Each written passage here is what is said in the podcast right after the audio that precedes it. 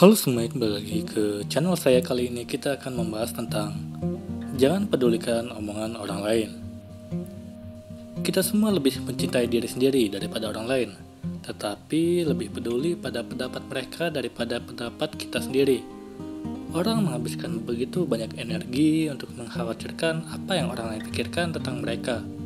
Masalahnya adalah ini sangat membuang-buang waktu terutama di zaman yang serba mandiri ini. Orang-orang setawa kuno lebih dulu berbicara tentang seni agar tidak peduli pada apa yang orang lain rasakan.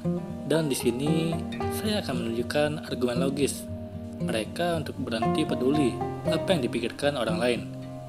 Kita sangat mudah khawatir tentang apa yang orang lain pikirkan. Orang berpikir dan berkata tentang kita, bahkan jika kita tidak mengenal mereka. Marcus Aurelius benar ketika dia mengatakan bahwa kita lebih peduli pada pendapat orang lain daripada pendapat kita sendiri. Tetapi mengapa kita melakukan ini?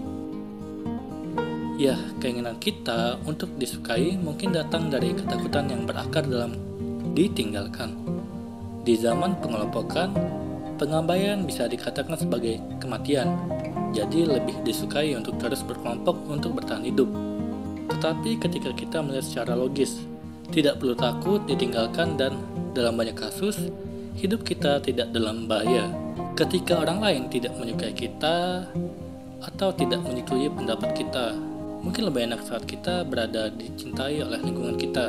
Tetapi kita tidak membutuhkannya untuk bertahan hidup dan kita tidak membutuhkannya untuk bahagia.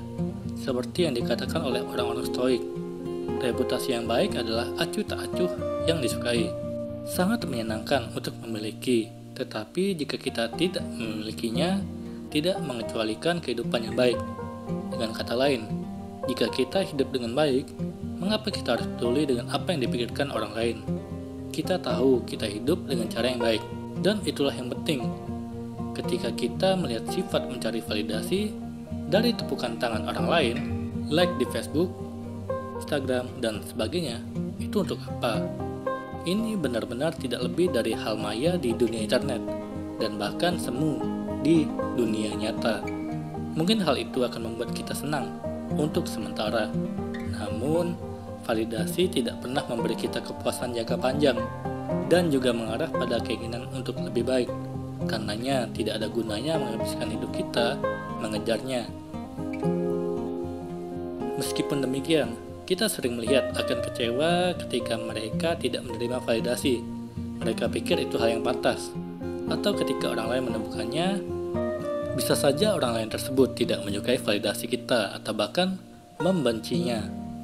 Dalam beberapa kasus, mungkin penghinaan yang sederhana dan tidak berarti itu mengarah pada kekerasan.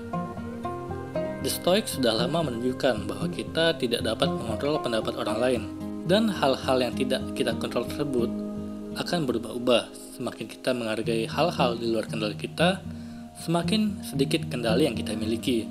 Mari kita hadapi itu. Tidak peduli berapa banyak kita mencoba, selalu ada orang yang tidak menyukai kita.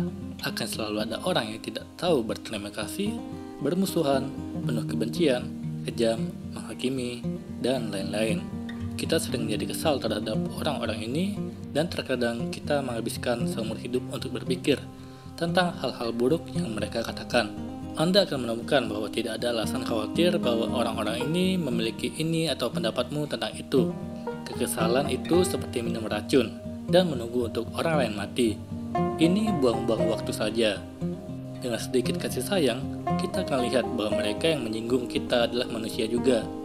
Ada banyak kemungkinan alasan mengapa mereka berpikir apa yang mereka pikirkan dan mengatakan apa yang mereka katakan.